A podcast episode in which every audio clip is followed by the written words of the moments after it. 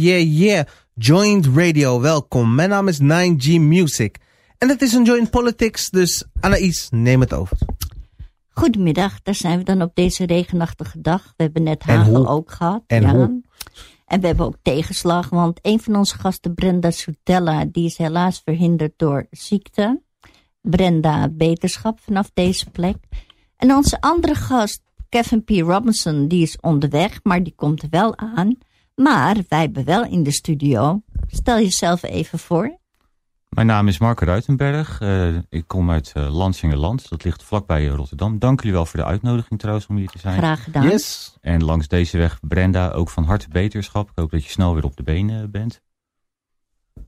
Ja, Marco, uh, je bent hier in de hoedanigheid als van GroenLinks. afgevaardigd van jouw partij van GroenLinks, zeg maar. Mm -hmm. En je werd al op het internet werd tegen jou gezegd van ik hoor jullie niet waar staan jullie in de hele affaire wat uh, zeg maar Zwarte Piet aangaat en ook wat raciale problemen in Nederland inhoudt? Wat, wat vind je daarvan over het algemeen? Je mag ook op eigen titel praten hoor, als je dat liever doet. Um, nou, mijn eigen titel is, uh, is wel, komt wel heel erg overeen met wat GroenLinks hier ook vindt. Het klopt dat in de grote media, dat je hoort daar inderdaad Jesse Klaver, hoor je niet praten over wat er allemaal gebeurd is. Dat we helemaal het zwijgen ertoe doen, dat klopt niet helemaal. Katelijne Buitenweg, dat is de vice-fractievoorzitter in de Tweede Kamer, die heeft via Twitter heeft ze er meteen vragen over gesteld. Over wat er gebeurd is in Friesland vorige week. Um, er zijn vragen over uh, gesteld in de Tweede Kamer. Er is, volgende week is er een debat over. Dus er is wel degelijk aandacht is erover. En het belangrijkste is dat het standpunt van GroenLinks in de hele Zwarte Piet discussie is dat Zwarte Piet moet veranderd worden. Hoe het er nu uitziet, dat is niet meer van deze tijd. Um, hier praat ik wel even voor, uh, voor eigen titel nu. Ik vind het ook echt een vorm van, uh, van racisme en discriminatie die niet meer hoort. En je moet daarin veranderen, ook omdat een feest alleen maar leuk is als iedereen deel kan nemen aan dat feest. Op dit moment zijn er te veel mensen die last van hebben, die, er, uh, die het niet leuk vinden. En een feest is dan gewoon niet leuk. Daarom ben ik er een heel groot voorstander van in ieder geval dat Zwarte Piet verdwijnt. Um, wat mij betreft wordt het roetvegen Piet. En dat is een uh, mening die ook gedeeld wordt binnen de partij. Ook daar vinden wij dat het tijd is voor aanpassing. En dat de raciale karikatuur die er nu is, dat die niet meer is. Geen uh, afro-pruiken, geen rode lippen, geen grote oorbellen die er zijn. Gewoon de roet vegen en dan kan iedereen deelnemen. Dan is het voor iedereen ook een leuk feest. Ja, nou, ik denk dat wij ons daar ook wel in kunnen vinden. Sowieso, sowieso. En nu even over jou persoonlijk. Je bent dus lijsttrekker voor GroenLinks. Ja, klopt. Nou, vertel daar eens wat over. Ja, wat wil je weten erover? Behalve dat het het leukste baan is die... Nou, het is niet echt een baan, het is een bijbaantje. Een uit de, land, uit de hand gelopen hobby, kun je ook wel zeggen. maar het is de leukste uit de hand gelopen hobby die je maar kunt voorstellen. Um, ik ben... Um, ja, sinds uh, 2012 ben ik lid geworden van uh, GroenLinks. Ik ben in 2014 bij de vorige gemeenteraadsverkiezingen ben ik ook echt daadwerkelijk actief uh, geworden voor GroenLinks. Omdat ik vind dat het, um, dat een club met mensen is die hele goede idealen heeft waar ik me heel erg bij aan kan sluiten. We staan voor gelijkheid van mensen, ongeacht waar je wieg staat, ongeacht wat voor kleur je hebt, ongeacht van wie je houdt. Wij willen dit land verbeteren en zorgen dat Nederland, het is al een mooi land, maar dat nog mooier, nog beter wordt voor iedereen. Daarbij wil ik beginnen in Lansingerland. Om te zorgen dat dat ook een gemeente is waar iedereen erbij hoort. Waar iedereen zich thuis kan voelen. En waar we niet kijken naar of je toevallig uit Berkel en Rode Reis of uit Blijswijk komt. Of, uh, maar dat je puur kijkt van joh, wie ben ik? Wat kan ik bijdragen aan deze maatschappij? En waar zijn we voor iedereen? Sinds dit jaar ben ik lijsttrekker. Ik ben op 9 november door de leden met algemene stemmen verkozen. Um, heb de afgelopen vier jaar al in de commissie Ruimte gezeten voor de Landsingerland. Ik ben er onder andere initiatiefnemer van de regenboogzebrapad in de Herenstraat in Berkel en Roderijs. Omdat ook wij vinden dat, uh, dat hoewel wij, uh, wij hebben geen grote LGBTQI-gemeenschap in mm -hmm. Landsingerland. Maar je moet wel aandacht geven ervoor dat ook daar dat mensen er last van kunnen hebben. Dat als ze hand in hand lopen, dat ze aangevallen kunnen worden er was nu in Arnhem is er nu een uitspraak gedaan dat het geen homohaat is met de twee mannen. Ja, het is van de sotten natuurlijk. Het is overduidelijk dat het Ja. komt omdat ze hand in hand liepen. Daar wil ik graag in, op lokaal niveau in ieder geval mijn steentje voorbij doen. bijdragen. En ik denk dat het beste kan gewoon in de vorm ook van lijsttrekker. Oké, en vind je ook dat het dan jouw plicht is, je heilige plicht, om iets te proberen uh, te veranderen aan racisme en fascisme, zoals die op het moment aan het opkomen is in de, uh, ook vooral in de politieke wereld? Tuurlijk, ja, tuurlijk is dat een heilige plicht. Je moet strijden tegen dat soort gif wat de maatschappij in, uh. Mensen als, als Baudet, Wilders, Bosma, noem ze allemaal op, die, die verspreiden een gif en een haat wat via de sociale media opgepakt wordt. Waarbij een aantal mensen gewoon echt ja, van, God los zijn met wat ze allemaal durven en menen te, te, te roepen. Dit is een gif dat we ten alles tijden moeten bestrijden. Zo keihard mogelijk en bestrijden met woorden. Laat dat wel even duidelijk zijn. Ik ben absoluut tegen gewelddadige acties. Um, van mensen blijf je gewoon af, in wat voor situatie dan ook. Maar je moet ze bestrijden met woorden, je moet ze bestrijden met feiten. En je moet ervoor zorgen dat iedereen gewoon deel kan nemen in deze maatschappij. Denk je ook door mensen zoals een Wilders en een Baudet... die dus eigenlijk het um, racisme en fascisme toch een beetje faciliteren op hun manier dat daardoor de maatschappij ook harder wordt en dat men daardoor ook meer tegenover, komt te, tegenover elkaar komt te staan. Ja, want het wordt normaler gevonden. Als jij in de, in de Tweede Kamer kan zeggen um, wat Wilders uh, zegt, uh, doe eens normaal en pleur op. Trouwens ook iemand als uh, Mark Rutte die tegen mensen zegt die hier geboren zijn van als je het niet bevalt, pleur op. Ja. Ik zou verwachten dat de premier van mijn land, de premier die hier is voor alle Nederlanders, ongeacht wat je eventuele etniciteit is. En misschien eens waar je ouders vandaan komen. Ik verwacht dat mijn premier daar open voor staat. En dat hij zegt van we omarmen iedereen in dit land. Niet zeggen pleur op of waar je vandaan komt. En zolang dat gezegd wordt, gaan mensen denken van nou als hun het zeggen, dan kan ik het ook uh, ja, zeggen. Ik ook, ja. Het is, een, het is een, je hebt als politicus, dat moet je je goed realiseren. En zeker mensen die in de Tweede Kamer zitten, je hebt een voorbeeldfunctie. Het wordt normaal gevonden. Als mevrouw Ollongren zegt dat je begrip moet hebben voor de mensen die in Friesland daar een snelweg blokkeren, daar moet je helemaal geen begrip voor hebben. Juist niet. Mensen wordt daar een democratisch recht ontnemen om te protesteren. De mensen... Het is een delict, hè? Ah, absoluut, het is een delict. En het openbaar ministerie... Kijk, ik wil niet op de stoel van het openbaar ministerie even voor zitten. De, even voor de uitleg. We hebben het dus niet over de mensen die in de bussen kwamen... maar nee. over de mensen die de weg blokkeerden. Ja, we hebben het over de Koenen Friesen, zoals ze genoemd worden in de media. Nou ja, ook niet alle Friesen, maar... Nee, maar natuurlijk, er zijn genoeg Friesen die inderdaad ook er tegen zijn. Ik ben ook heel blij met de afgelopen uh, gemeenteraadsverkiezingen in Friesland... waarbij in Leeuwarden bijvoorbeeld de PvdA de grootste partij is geworden... waarbij de GroenLinks ontzettend gestegen is. Wat echt wel laat zien dat er een heel veel Friesen zijn... die absoluut wel begrip hebben en tolerantie hebben voor andere mensen... Maar um, ik heb het inderdaad even nadrukkelijk over de mensen die de snelweg daar blokkeerden. Ja. Die daar dus zorgden dat er een ongeluk zijn gebeurd, dat er blikschade is. Gelukkig geen lichamelijke slachtoffers. Maar nog veel belangrijker, die daar een grondwettelijk recht wat mensen hebben om te protesteren met voeten treden. En waar een minister dan van zegt van je moet begrip hebben ervoor. Nee, je moet helemaal geen begrip voor hebben. De politie had moeten optreden en had ervoor moeten zorgen dat de mensen in de bus een vrijgeleden hadden gekregen naar Dokkum waar ze in alle rust gebruik zouden kunnen maken van het democratische recht wat ze hebben om te protesteren. Dat hadden we moeten doen en niet wat we nu aan het doen zijn. Plus hadden toestemming. Ze ja. hadden toestemming om te... En dan komt de burgemeester naar de rand met een flauw iets van... ja, maar het is nu al te laat, het is ja. verlopen. Ja, dan moeten we al even aangeven dat je hebt in Nederland geen toestemming nodig om te demonstreren. Demonstreren is een recht. Ja. Je moet een demonstratie moet je aanmelden... en dan vervolgens kun je met het bevoegd gezag kun je in discussie gaan van op wat voor manier doe je demonstratie, dan kan eventueel kan het bevoegd gezag een demonstratie verbieden als men bang vindt dat de publieke orde of veiligheid daarmee in het geding is. Maar de essentie is dat je het recht hebt om te demonstreren.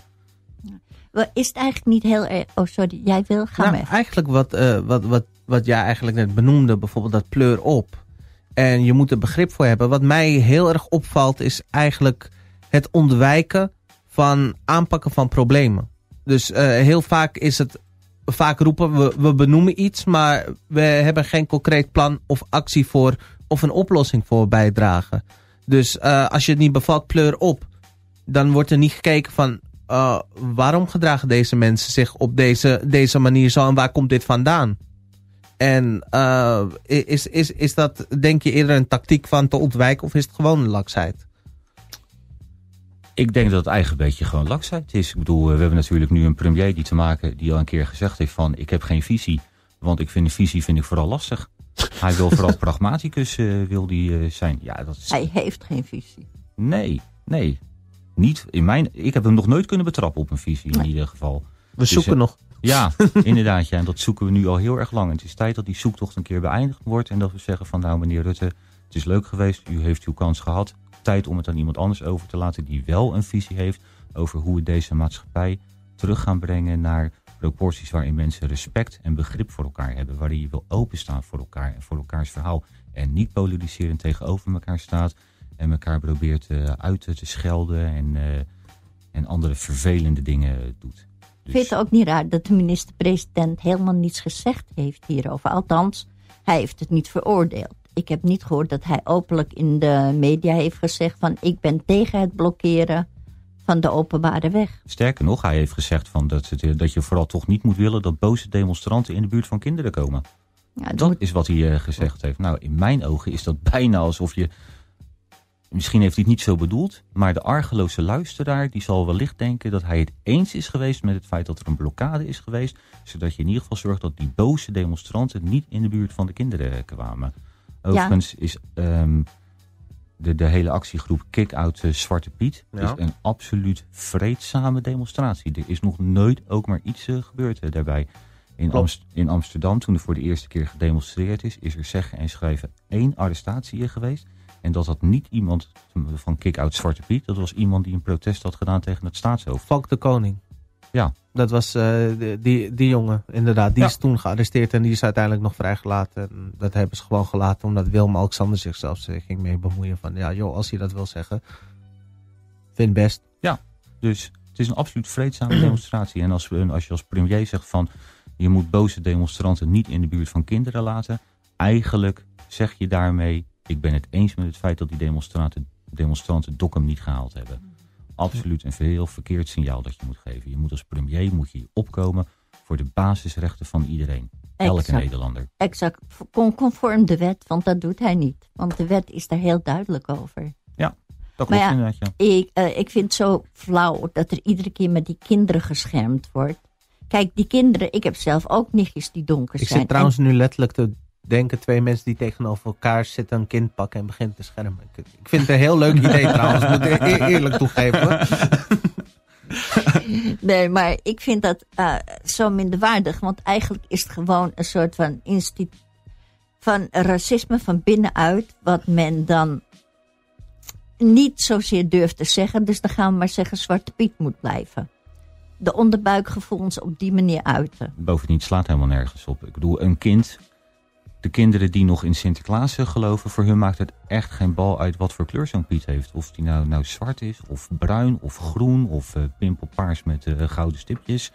Hij moet vooral lief zijn, grappig zijn, snoepjes uitdelen en speelgoed uh, uitdelen. Ik, ik, weet wel zeker dat ze zich hier druk maken welke Pokémon ze gaan krijgen. Ja, dat inderdaad. Ja. Dat is waar ze zich om drukken. Niet hoe zo'n zo Piet eruit ziet. Nou, nog eens wat anders. Volwassenen horen niet te liegen tegen kinderen. Oei. Auw. Ja, ook dat inderdaad. Je zou het voorbeeld moeten geven. Maar ja, oké. Je, hebt, je hebt gelijk, volwassenen zouden niet moeten liegen tegen kinderen. Maar het, het feest in de basis, in de essentie, is natuurlijk best... Het feest is niks mis mee op zich. Nee. Laat dat duidelijk zijn. Sinterklaas is best een leuk feest. Mhm. Maar het moet gewoon aangepast worden. Het hoeft helemaal niet te verdwijnen. Het moet gewoon aangepast worden zodat iedereen kan deelnemen aan het feest. Dat is het leuke ervan. En zolang er nog steeds kinderen uitgescholden worden op school voor Zwarte Piet, moet je dit niet uh, willen. En als mensen zich zo druk maken over het is een kinderfeest, waarom gaan dan afgelopen donderdag gaan dan Pegida-aanhangers verkleed als Zwarte Piet een school in Utrecht binnenvallen?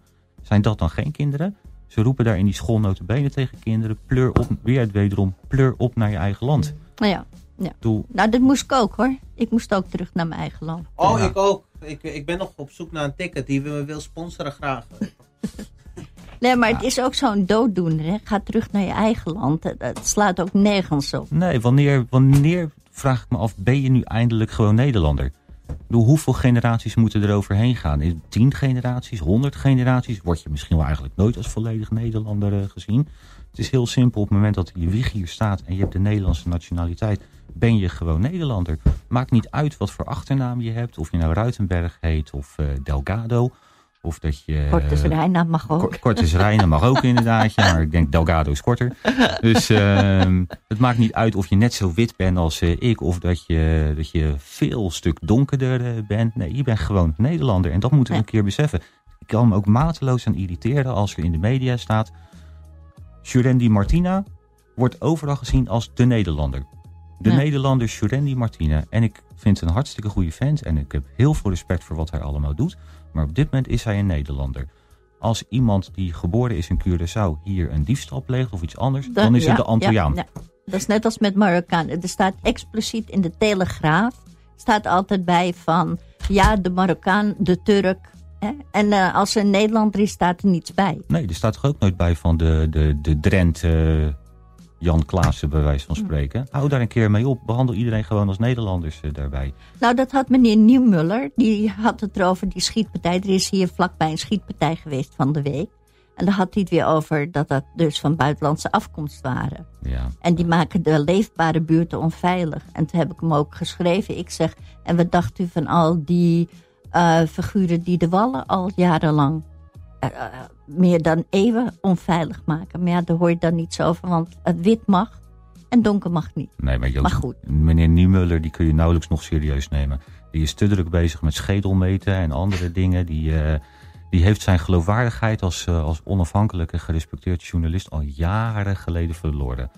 Maar toch een gevaar, want er zijn beïnvloedbare mensen die dat lezen en die erop ingaan, die het wel zo vinden. Ja, dat klopt inderdaad, ja. En dat is ook met een Baudet en met een, uh, hoe heet die, Wilders. Mm -hmm. Dat is met al deze mensen. Ze beïnvloeden mensen die zelf een bepaalde angst hebben, of die iets te verliezen hebben of verloren hebben.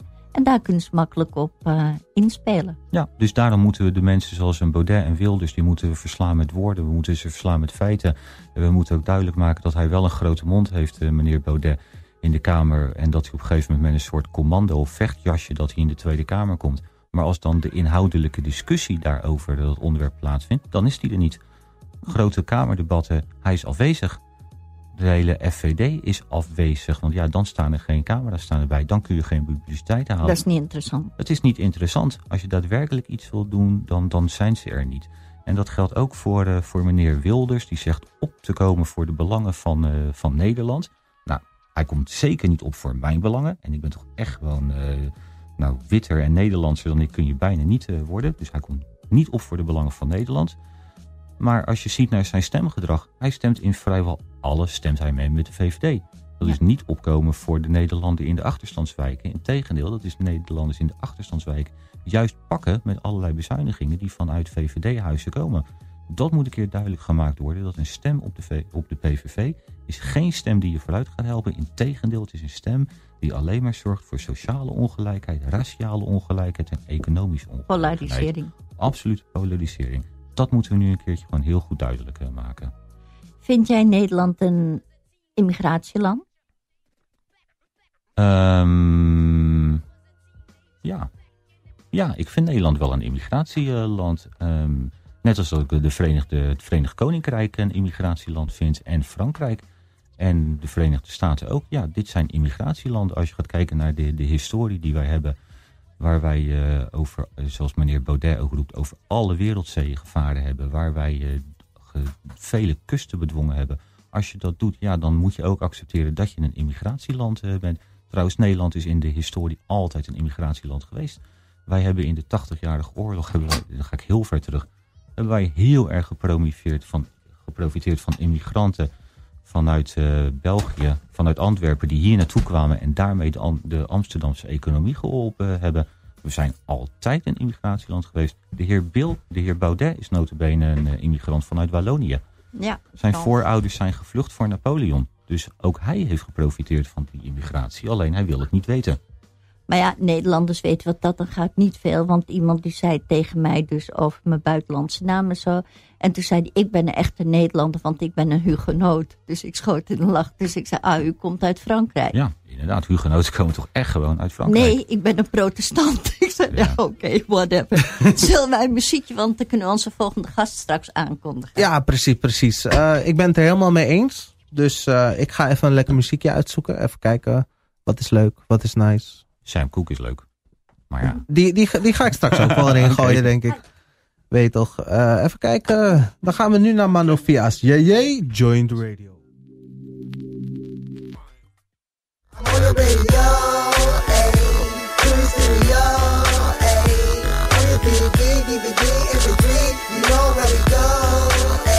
I'm on the radio,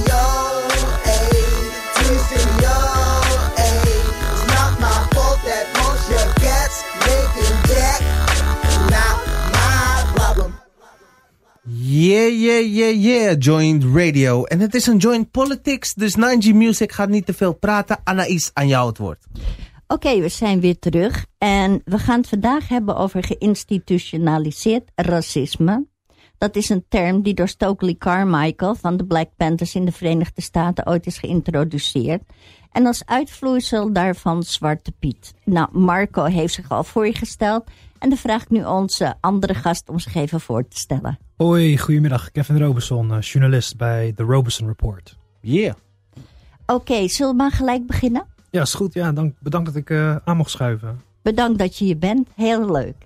We beginnen oh, vooral om de, de omstandigheden waaronder jij zit op het moment. Ja, ik denk het beste is wat je dan kan doen is gewoon eh, ja, je leven zo normaal, normaal mogelijk proberen eh, te leiden. En dat dat ja, niet invloed op je he- heeft. Maar ja, we zullen het daar meer, eh, meer over hebben Oké. later. U hoort nog. Goed, George Berger.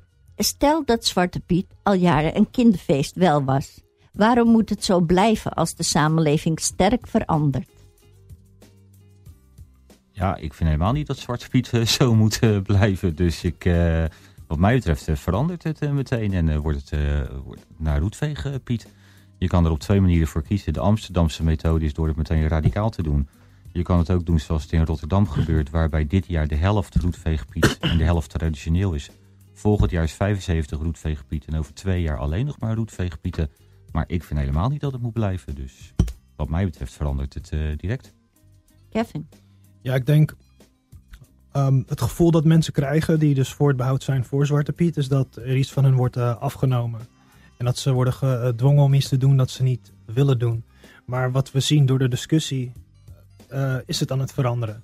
Ja. En ik denk, eh, er wordt natuurlijk ook gezegd van racisme, dat, la- dat bouw je niet langzaam af, dat schaf je af. Maar ja, ik denk ook wel dat je mensen de ruimte moet geven om dus die bewustwording te krijgen. Dat ze dus begrijpen waarom het verandert. En dat, het dan ook, eh, dat zij dan ook de tijd hebben om, ja, om het los te laten. Eh, en dus die verandering op een eh, gezonde manier plaats te laten vinden. Ik denk dat jij hierbij een cultureel ding pakt eigenlijk. Als je erover nadenkt, is in Nederland iets niet drastisch veranderd zomaar. De eh, euro had je ook een overlaptijd. Dat er nog guldens waren. Dingen En- flof pips. Precies.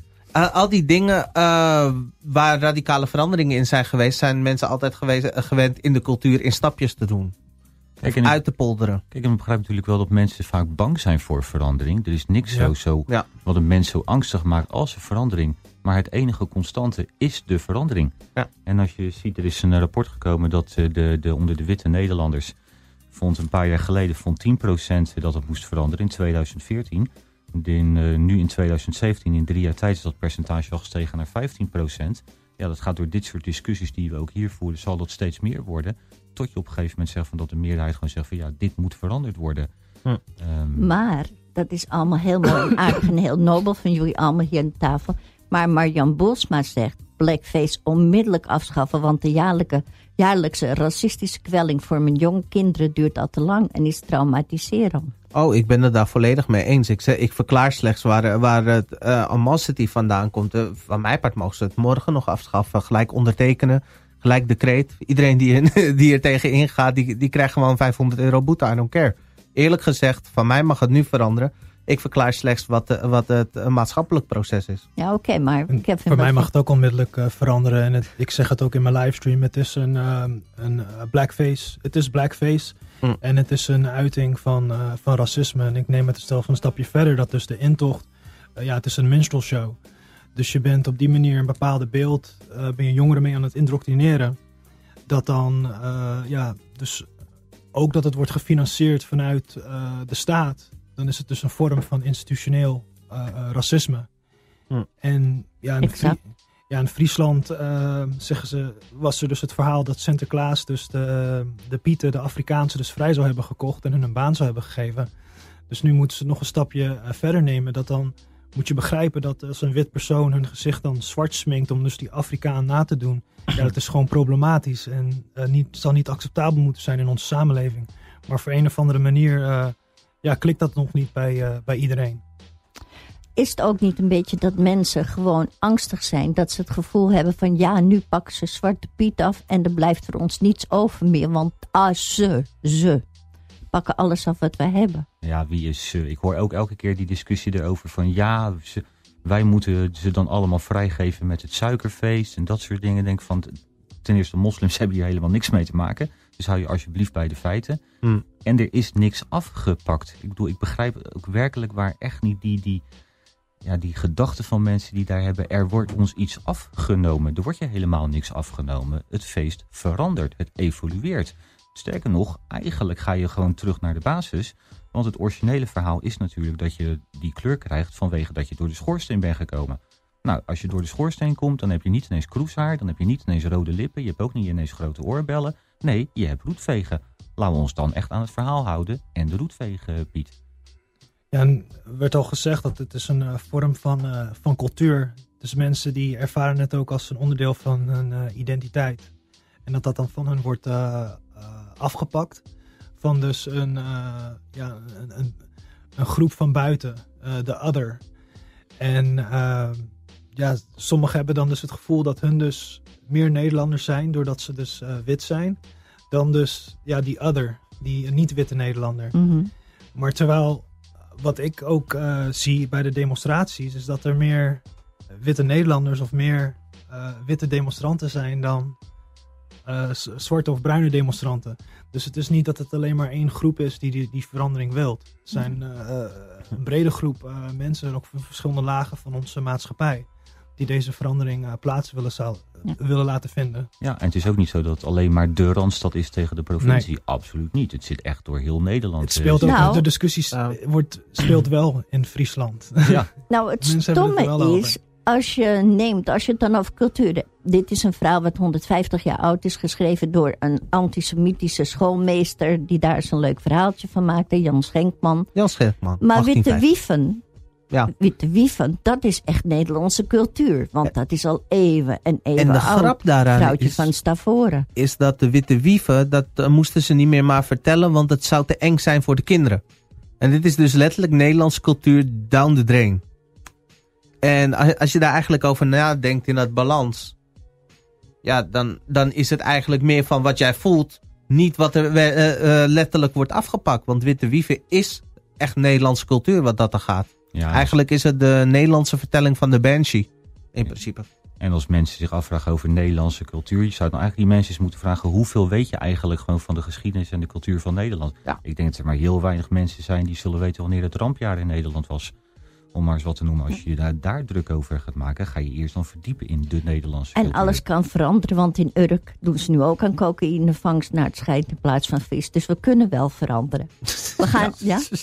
Nou, wat ik ook. hoe belangrijk het is om dus over je, eh, je cultuur en geschiedenis te leren. Ik was dan in, eh, in Weesp. En er waren wat oudere mannen daar en die begrepen het ook niet. Dus toen vroeg ik aan hun of hun eh, Christian van der Vught kenden. En ze zeiden, nee, wie is dat? Toen zei ik, nou, dat was een Afrikaan tot slaafgemaakte die hier naartoe is eh, gebracht. En als geschenk aan de eh, Oranje van Nassau is gegeven. En uiteindelijk dus terecht kwam bij de burgemeester van Weesp. En ik zei, het kan heel goed zijn dat jullie dus eh, nazaten zijn van hem. Mhm. Ze, nee, je liegt, waar heb je het over? En ik zeg, ja meneer, het was hier in het museum, in het historische Weesp Museum. En er, er, is, er is gewoon heel veel over onze eh, identiteit, eh, cultuur als Nederlanders, dat wij gewoon niet eh, weten, maar waar er wel gewoon informatie van is. Nou, heb je, hebben jullie die Engelse dings gezien over dat men gaat naar iedereen zijn voorouders? DNA wordt afgenomen. En dan eh, zijn de mensen, er is één jongen die is heel erg weer, die heeft echt extreemrechtse ideeën. En dan uiteindelijk blijkt dat ze een van zijn voorouders dus uit Afrika komt, dus donker is. En ja, die stond dus heel verbluft. Het was heel mooi, want het werd bij een heleboel mensen gedaan. Maar ik ga even door met Flip Switch. Die heeft ook een vraag. Als we ZP afschaffen, is het probleem opgelost. Kinderen, maakt de kleur niets uit. Check. Ouders die nu voor zijn... Die er nu voor zijn, die er nu voor gaan een kinderfeest niet te verpesten, zeggen het is een kinderfeest, klopt ook. En demonstranten tegen ZP zijn overbodig. Alles opgelost. Nou, geef daar eens een antwoord op. Demonstranten overbodig zijn we wel eens, neem ik aan. Als Zwarte Piet afge eh, als die niet meer bestaat, als die verboden wordt, eh, ja, dan hoef je daar inderdaad niet meer tegen te demonstreren. Dus ja, dat klopt op zich eh, wel. Ja. Alleen Zwarte Piet is natuurlijk maar een, een verschijnsel van geïnstitutionaliseerd racisme. Het stopt Ja. daar niet bij. Eh, maar als je gaat zien, eh, de, bijvoorbeeld de, de beledigingen en de schofterige opmerkingen die ons als Sylvana Simonsen naartoe krijgt, omdat zij ook strijdt voor gelijkheid ook op andere terreinen. Ja, dat lost niet op met het, eh, met het afschaffen van Zwarte Piet. Omdat ze gewoon haar mening geeft. Inderdaad. Ja, maar dat is eng. Mening is heel erg eng natuurlijk. hè. Oké, Kevin, kinderen maakt de kleur niets uit. Nee, eh, ik wou ook net, eh, het maakt dan ook niks uit. En wat we zien in Utrecht bijvoorbeeld is dat eh, scholen dus, ik, ik denk dat de gemeente of de scholen die hebben, die doen dus niet meer aan, Zwarte Piet. En volgens mij vorig, vorig jaar was ze dan dus, hadden ze een alternatieve vriend voor Sinterklaas. En dat waren Minions. En ja, voor die kids, het maakt helemaal niks uit. Als zij maar ja, cadeautjes krijgen en een leuke tijd hebben. Minions. Nee, daar zou ik bang voor zijn. Nee, eerlijk, Sorry. ik, ik ben enthousiast als Minions hoor. Ik, ik kan niet liegen. Het is, eh, eh, eh, it's my dark secret die nu op Twitter uitkomt. Is, is die Minion lover. Ja, je hoort dan hoe die. Ik weet niet of eh, kinderen dan voorbereid zijn voor zo'n bezoek. Maar gisteren was er dus een, ehm, een, een groepje Zwarte Pieten die waren naar een school gegaan, de Ja. Circle in Utrecht, in Zuilen. En dat er dus kinderen waren kinderen die blij waren, kinderen die wisten niet hoe ze moesten reageren en kinderen die gingen huilen. Ehm, dus ja, ik heb niet zulke berichten gelezen toen eh, de Minions bij die school Ja. eh, langskwamen. Dat niet. Nee. Eh, trouwens, ik was banger voor Sinterklaas als voor Piet. Ik vond Sinterklaas vind ik toch zo'n enge man. Met al die kinderen op schoot en dat gefrummel. Nee, dat moet ik niet. We gaan- Ja, is een andere discussie, denk ik. We gaan over naar Resist. Hoe lang zal het nog duren voor zo definitief een ander figuur er is? En verdwijnt daarmee ook het stigma van het figuur? Denken jullie dat er andere discussies zijn aangezwengeld door de ZP-discussie? Kevin schudt ja. Ik, eh, ik weet niet ho- hoe lang het eh, zal duren voordat er een alternatief komt. Ik, ehm, van toen ik hier verslag over begon te doen in 2013, dacht ik van helemaal niks gaat eh, veranderen. Dus de veranderingen die plaats hebben gevonden, dat bedrijven afstand doen, televisiezenders en omroepen, steden zoals Amsterdam, ehm, scholen, eh, is, ja, het gaat al best wel hard, eh, vind ik. Maar er is natuurlijk veel meer verandering die plaats moet vinden. En wat was de andere deel van de vraag? Verdwijnt daarmee ook het stigma van het figuur? Ik, eh, ik denk het niet. Ik denk dat eh, het is eh, eh, de team, of hoe zeg je dat? Ehm, het is gerechtvaardigd dat de, de activisten, vind ik, dat de activisten zeggen dat hey, dit moet niet meer vanuit de staat worden gefinancierd. Eh, jullie moeten daarmee kappen, want jullie financieren daarmee eh, eh, racistische eh, eh, karikaturen Ja. en dus institutioneel racisme. Maar ik weet niet hoe je dan bij mensen op kan dwingen dat hun privé niet eh, Sinterklaas gaan Hmm. vieren met, eh, met Zwarte Piet. En wat je ook ziet in de Waddeneilanden bijvoorbeeld, is dat daar dus ook oude tradities zijn. En op eh, eh, één van de eilanden, ik weet niet meer welke, maar is de Sinterklaasviering dus heel anders dan hoe we het hier eh, doen. En is het voor eh, eeuwen niet eh, veranderd. Is het nog steeds in zijn oude vorm. Dus ik weet niet of je het ooit helemaal kan, dat het ooit helemaal kan veranderen. Dat mensen er echt helemaal los van, van zullen laten. Zwarte Piet. Ja, ik denk dat inderdaad op geïsoleerde gemeenschappen zoals de Waddeneilanden, daar zal het moeilijker gaan inderdaad, ja. Ik, ik vermoed zelf dat binnen tien jaar dat de figuur Zwarte Piet hier niet meer bestaat. En dat zal dan waarschijnlijk zijn omdat ehm, de commercie het gewoon niet wil. Ja. Grote bedrijven zoals eh, de Bijenkorf, maar ook Albert Heijn en de HEMA, die gaan er niet meer aan doen, want die willen geen gedoe. Daarom, eh Trent. En op het moment dat over tien jaar de kinderen die nu 14 zijn, of 4 zijn, die zijn dan 14. En die geloven er sowieso toch eh, niet meer in. Dus ik denk dat over tien jaar we geen Zwarte Piet eh, meer hebben, persoonlijk. Oké, ik denk dat we nu even wat gaan drinken. Want we Ja, zitten al een tijdje te praten. Nou ja, hoe heet dat? we hebben nog drie minuutjes en dan gaan we in het tweede uur gelijk verder. Dus eh, Gelijk verder. We mogen wel even een kopje eh, drinken hoor. Vijf minuten. nee, is afgeschaft. Ook al afgeschaft. Oh, Yes, yes, we zijn zo terug. Joint Radio.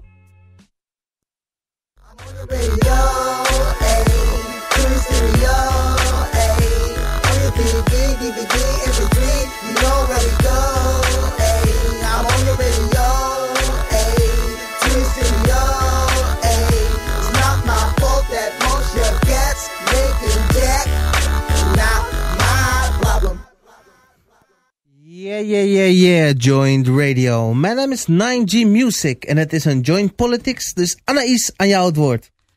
Zo, wij zijn terug. We hebben even wat gedronken, want dat mag ook wel. Want we waren toch wel een beetje dorstig. Vooruit dan maar. Moeilijke onderwerpen. We gaan meteen door met Marian Boelsma. Die stelt dat tradities zijn niet voor de eeuwigheid. Kunnen jullie klopt. daarin vinden? Dat klopt. Klopt. Doe, eh, heksenwagen was ook een traditie, daar zijn we ook mee gestopt. Eh, dwergwerpen was ook een traditie op sommige kermissen, daar zijn we toch ook maar mee gestopt. Dus een traditie is niet, het, het is niet dat je een traditie in een doosje doet. Je zegt, dit is onze traditie, strik je eromheen en dit blijft voor de rest van het bestaan. Het is altijd onderhevig aan evolutie, aan dingen die je anders doet dan dat je er doet. Daar ben je het volledig mee eens. Ja, en ik, ehm, ik, was een, ik, ik ben nu een beetje de geschiedenis ingedoken met eh, de laatste reportage die ik had uitgebracht voor de, eh, voor de intocht over dus eh, Afrikaanse bedienden in Nederland. En ja, er wordt gewoon constant gezegd van ja, Zwarte Piet is geen eh, blackface. Wij hadden dat cultuur niet, dat was in Amerika. Nou ja, Amerika is een Europese creatie. Dat Nieuw Amsterdam en Ja. eh, Roosevelt, Roosevelt, eh, president van Amerika. Er zijn gewoon heel veel eh, eh, fingerprints of ja, eh, na, eh, dingen van Nederland die invloed hebben gehad op Amerika. Maar je had hier bijvoorbeeld ook eh, human zoos. En dat, me- dat mensen dus eh, op de museumplein eh, ja, een, attractie waren. En dat mensen dus kwamen eh, bezichtigen. Eh, ja, dat ge- gebeurt godzijdank ook niet, eh, eh, niet meer. En dus ja, over tijd veranderen dingen wel. Veranderen men, verandert cultuur. Veranderen de mensen eh gedachten over dingen. En eh, word je bewust en zeg je, ja, dat kan, dat kan niet. We moeten het anders eh, gaan doen. Ja. Nou ja, daar volledig mee eens natuurlijk. Dan gaan we over naar Frans. Ik zou zo graag een onderzoek zien waarin werd gekeken naar het effect bij kinderen als ze in plaats van een bende zwarte pieten geconfronteerd werden met een vrolijk stel grappende regenboog of wat dan ook hulpjes van die oude met z'n mijten. Ik zou willen weten of dat trauma traumatisch of juist creatief voor ze is. Hij zegt, ik kan de uitslag al voorspellen, dus is het niet een probleem van een kinderfeestje, maar van angstige, dus behoudzuchtige ouders die geen oog voor hun kinderen, maar alleen aan zichzelf denken. En dan komen we weer terug bij het, men houdt vast aan Zwarte Piet omdat men angst is om, Ja, om dingen te veranderen voor de, voor de maatschappij die eh, verandert. Ehm, ik denk dat kinderen echt geen enkel probleem hebben met regenboogpieten of wat voor kleur ze dan ze ook hebben. Dus ehm, Nee.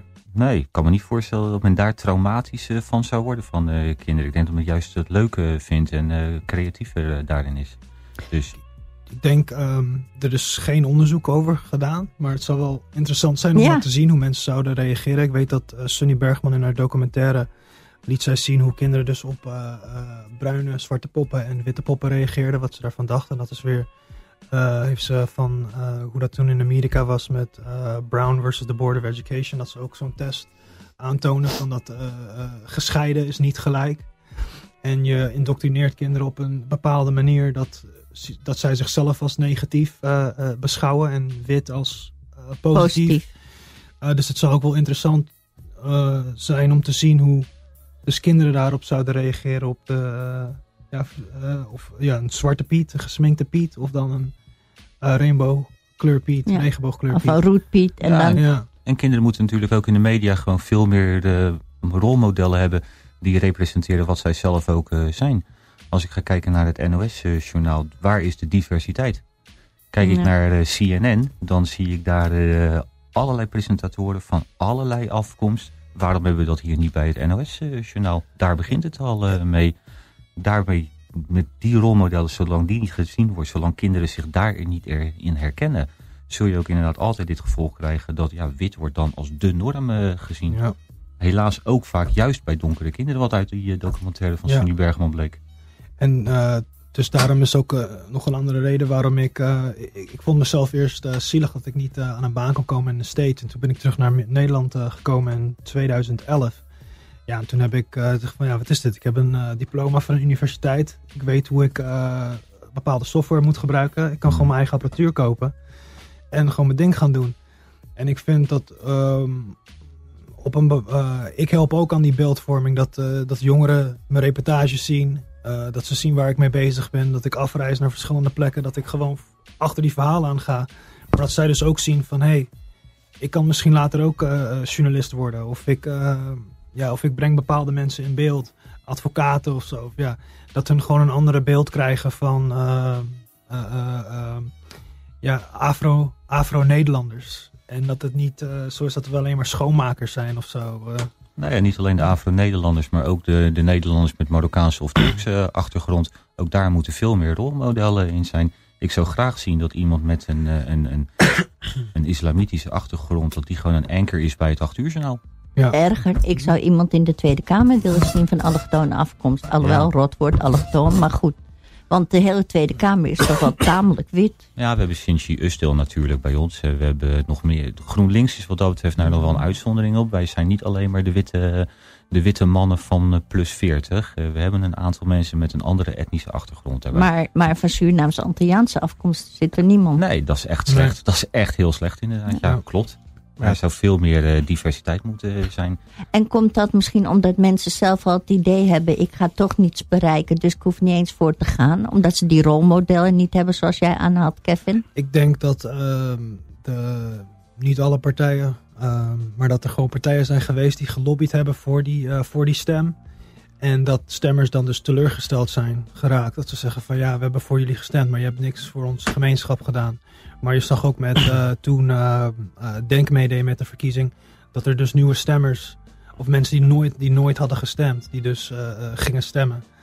Ehm, en je zag ook in Amsterdam dat heel veel mensen op Savannah hadden gestemd. Hm. Ik had het echt geweldig gevonden Ja. als zij in de Tweede Kamer was gekomen. Ja, dat alle, allebei, ja, en zij dus ook. En, eh, Want dan, je hoort gewoon een andere geluid. geluid. Eh, het is fijn dat mensen opkomen voor eh, niet wit- witte Nederlanders zijn issues.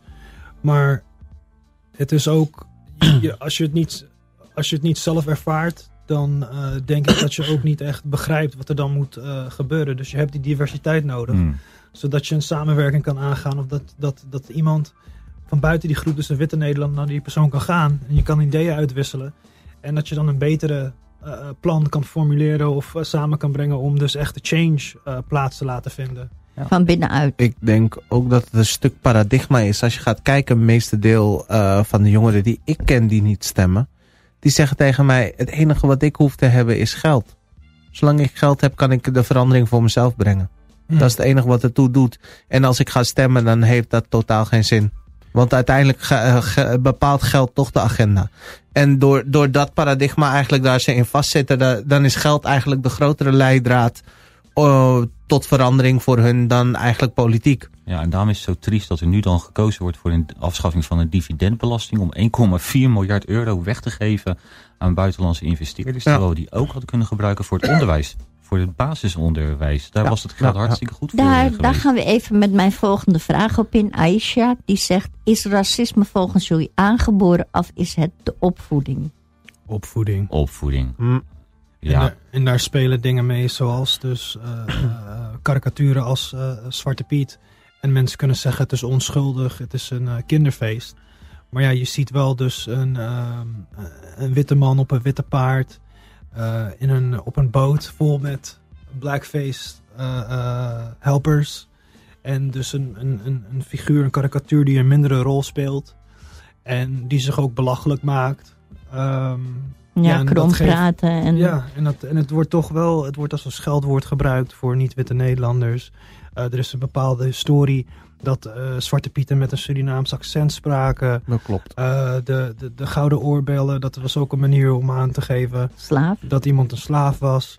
Ehm, de, de, de, de, de. Dus je gaat op een gegeven moment, bewust of onbewust, denk ik, dat je die, eh, die connectie gaat maken. En dat je dan dus eh, in de maatschappij, in de praktijk, anders met elkaar omgaat. Ja. Ja. Ja, de oorsprong van het woord neger is natuurlijk al dat het eigenlijk betekent... Een lading van slaafschip. Ja, Ja. ja, inderdaad. Ja. Dus daar moeten we al eh, mee stoppen met dat soort woorden eh, gebruiken. Het is eigenlijk, als je erover nadenkt, is het, is het nog bizarder. Kijk, hoe heet dat? eh, de, als neger slaaf zou betekenen, maar het werd letterlijk als een aanduiding van objecten aangeduid. Dus eigenlijk, je, bent, je wordt gedehumaniseerd. Je bent een object. Ja. Want hoe heet dat? eh, Ikea-stoelen. Neger zit ernaast. Lading van slavenschip. Gewoon zo werd het echt letterlijk aangeduid. En dat is dan, dan moeten we ook gaan kijken. Dus mensen kaarten nu dus de eh, eh, Zwarte Piet aan. Maar nu zeg je dus over het woord neger. Maar dan, mensen krijgen ook datzelfde gevoel van eh allochtoon, autochtoon. Eh, Mhm. je hebt eh, westerse allochtoon en, En niet niet-westerse westerse allochtoon. En ja, mensen kunnen allemaal zeggen van ja, het is om statistieken bij te houden. Maar het wordt in de praktijk wordt het echt wel aan iemand toegewezen als zij een eh, eh, ja, niet-witte eh, uiterlijk hebben. Dat Ja. zij dus een bruin of eh, zwarte huidskleur hebben. Tuurlijk, iemand die En- in Duitsland komt zal nooit aangeduid worden met die allochtoon. Nee. Ja. Nee, en dat is het gevaar van statistieken. Dat als er is een machtswisseling komt, zoals vroeger zeg maar met Duitsland in de Tweede Wereldoorlog, waar mensen achter hun naam Jood hadden staan, dat men weet ze te vinden. En men weet dan, oh die is Marokkaan van afkomst, die is Turk van afkomst, die is Surinaams, die is Antilliaans, die is Amerikaans. En die pakken we op en dan ik, wil, ik moet wel even wat aanvullen. Ehm, we hebben heel veel dingen over Friese gezegd natuurlijk in deze uitzending. Ik moet wel benoemen toen de tijd in de Tweede Wereldoorlog. Toen inderdaad dat register was waar iedereen was aangegeven die Jood was. Toen was er een Fries die een bom heeft gelegd. Yes. dus ja, dat moest ik ook even gemeld hebben. Ja, heel goed. dat was, dat was familie van jou dus. Ja. Nou, Oké. Kijk. Kijk, we moeten ook zelf niet gaan stigmatiseren en alle Friesen over één kam scheren. Zie je? Dat bedoel ik. betreft, Er zijn een, eh, een aantal die eh, echt heel fout bezig waren daar op de A7. Maar er zijn natuurlijk ook heel veel Friesen die gewoon echt heel goed zijn en wel openstaan voor veranderingen in de maatschappij. Ik heb het al eerder aangegeven, dus de herindelingsverkiezing in eh, Friesland en ook in Groningen, die heeft aangegeven dat ook in de provincie Friesland, Groningen en een stuk van Gelderland, dat men daar echt open staat voor verandering. Ja, Leeuwarden, daar kwam hij vandaan. Dus. Ja, maar ja, Maar is het ook niet meer, zeg maar, eh, op het moment gewoon een uiting van de hele maatschappij? Omdat alles is, gaat in de stroomversnelling op het moment. Grenzen open, mensen komen. En een heleboel mensen worden angstig voor. Je hebt foute politici die oproepen tot echt hele foute dingen. Verzet. Nou ja, ja, omgekeerd verzet noem ik het dan. Tegen, tegen vluchtelingen, tegen mensen van andere afkomst en zo. En is dat niet iets wat op het moment aan de gang is? En jij haalde het net al even aan als de televisie. Als ik de televisie 's morgens aanzet, dan kijk ik altijd naar WNL. Omdat ik het zo'n rot programma vind. Oh, jij ook gelukkig. Ik ook. Ja, ik heb er ook, Ik wel eens, ik heb er ook vroeger dus- gewerkt. Oh, eerlijk? Soms stuur ik ze ook wel eens tweets. nou ja, en dan, zijn dus, dan, dan zie je dat. En die mensen hebben altijd iets aan te merken op iemand van een ander Wat- ras. Wat het is, is... ehm, ehm, je moet weten ehm, wie achter dus die platform zit. En welke doelgroep het is dat zij willen, willen bereiken. En eh, wat zij dus willen, hoe zij dus die views, die kijkcijfers, die views, dat eh, hun eh, artikelen worden gedeeld. Wie is het die zij eigenlijk willen mobiliseren? Ja, dat is rechts. Ja. En, ehm, Het is toch de Telegraaf? Ja, Ja. TMG-groep. Ja. Dus ja, en ehm, dat is dan wat je dus op televisie, tele- televisie ziet en krijgt. En ehm, ja, ik, vind, ik kijk ook bijvoorbeeld naar Po-nieuws.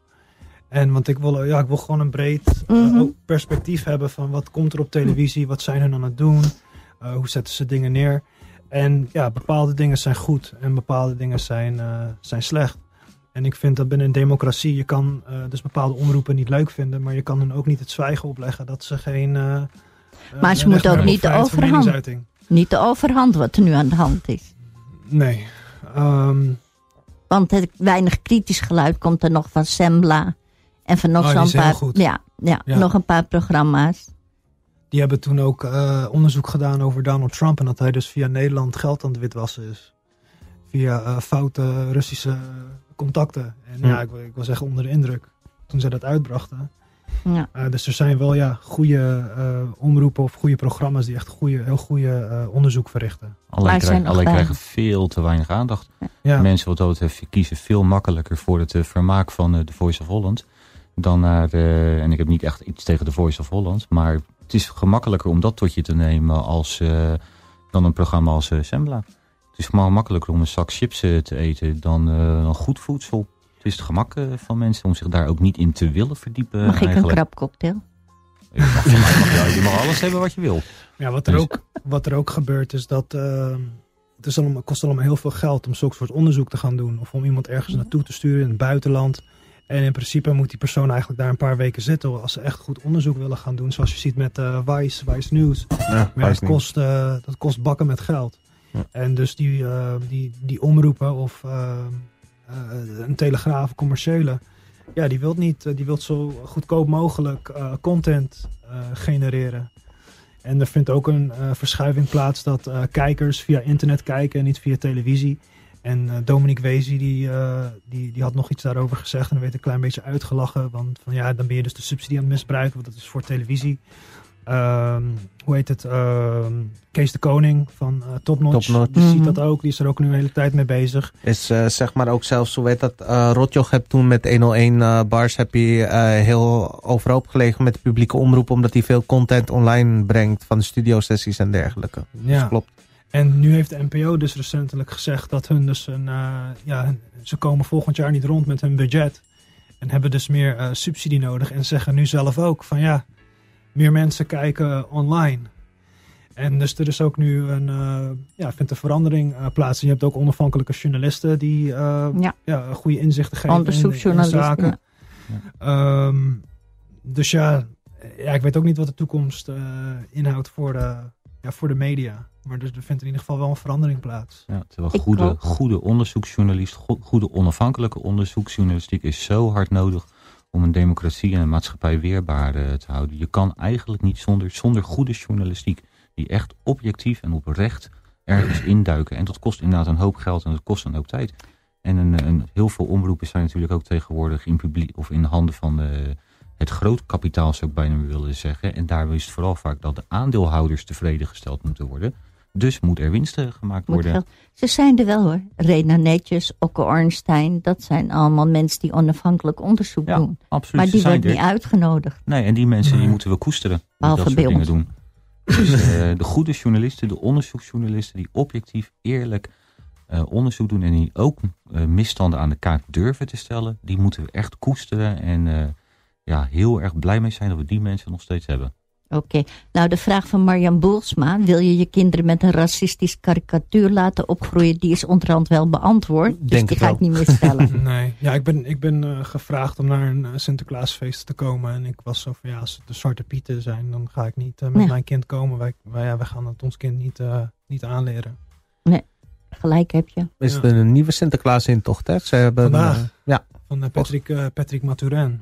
Dus ze hebben hun eh, doel bereikt voor de crowdfunding. En dat is inderdaad zonder eh, Zwarte Pieten. Ja. Een intocht. Dus eh, wel tof dat dat echt behaald is. Nou moet ik even ergens aan denken. Hè. Eh, Nederlanders hebben gauw iets Italiaans zijn spaghetti vreters. En eh Fransen stinken naar knoflook. Eh, mensen van donkere ras, eh, nou, die zijn lui. Eh, mijn eigen soort, de Latino's, die deugen ook, zijn ook lui. Om te, maar de Schotten die zeggen dat zo mooi. Are you going on a Dutch treat? En ik denk dat hier alles wel mee gezegd is. Hè? Let's go Dutch. Hm. Het zuinige volk, het behoudende volk. Ja, dat is ook een Engels uitdrukking, Dutch courage. Dutch courage, ja. Dus, Ja. Dus dat, Maar ja, wat is eigenlijk... eh, ehm, ehm, koningin Maxima die had het gezegd, eh, wat is de echte Nederlander? Eh, ik weet niet of dat precies is hoe ze het zei. nou, het, het- Maar ze heeft natuurlijk ze had gewoon gelijk. Ze heeft gezegd, de Ja. Nederlander bestaat niet. En Nee. die bestaat maar ook die niet. bestaat ook niet. Iemand uit Limburg is echt heel anders dan iemand uit, eh, uit Rotterdam. Die weer heel anders is dan iemand uit Groningen. Sterker nog, ze hebben ooit een onderzoek hier in Nederland gedaan bij Friese, Limburgers en Zeeuwen. En dan blijkt dat er nog DNA van de Spanjaarden die hier gezeten hebben, dat dat in hun DNA nog steeds zit. Ongelooflijk. Nou, Ja. Ik blijf nog steeds zeggen, er is één echte Nederlander. En dat is die kikker waarvan we de polder hebben drooggelegd. En als die zegt rot op uit mijn land, dan heb je ook gelijk. Dan moet je ook gaan. Goed.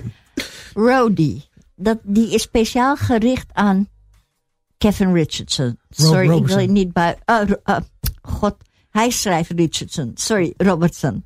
Ik zou van Robertson willen weten wat hij denkt dat best is om de weef aan extreemrechtse terreur een halt toe te roepen.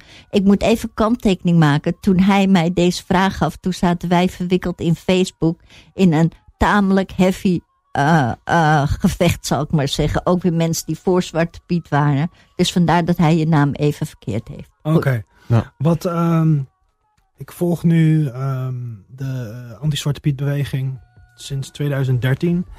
En wat ik heb kunnen eh, vastleggen zijn verschillende tegendemonstraties.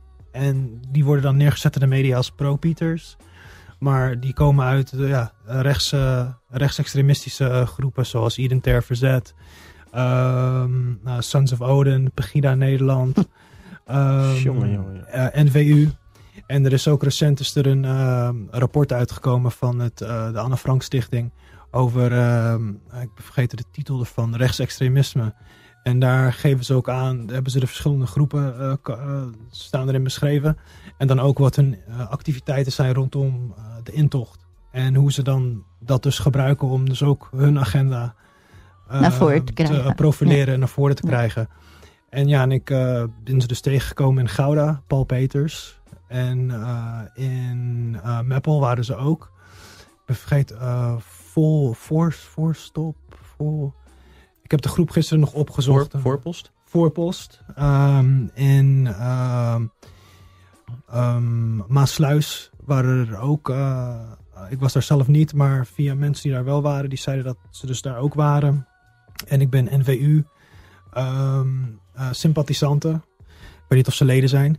Eh, tegengekomen en ook door eentje mishandeld, die ook uiteindelijk is veroordeeld. Dit was in, eh, bij de jaarbeurs in Utrecht vorig jaar, tijdens de ZEP Sinterklaasfeest. Mm.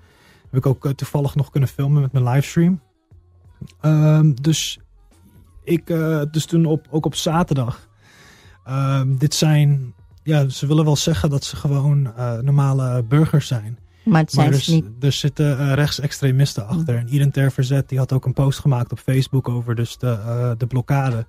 En in die post zeggen ze ook dat hun informatie krijgen van activisten op de grond. Ze zeggen niet dat het mensen zijn vanuit hun organisatie. Mhm. Maar wel dus dat ze daar eh, contacten hebben die dus informatie aan het doorspelen zijn.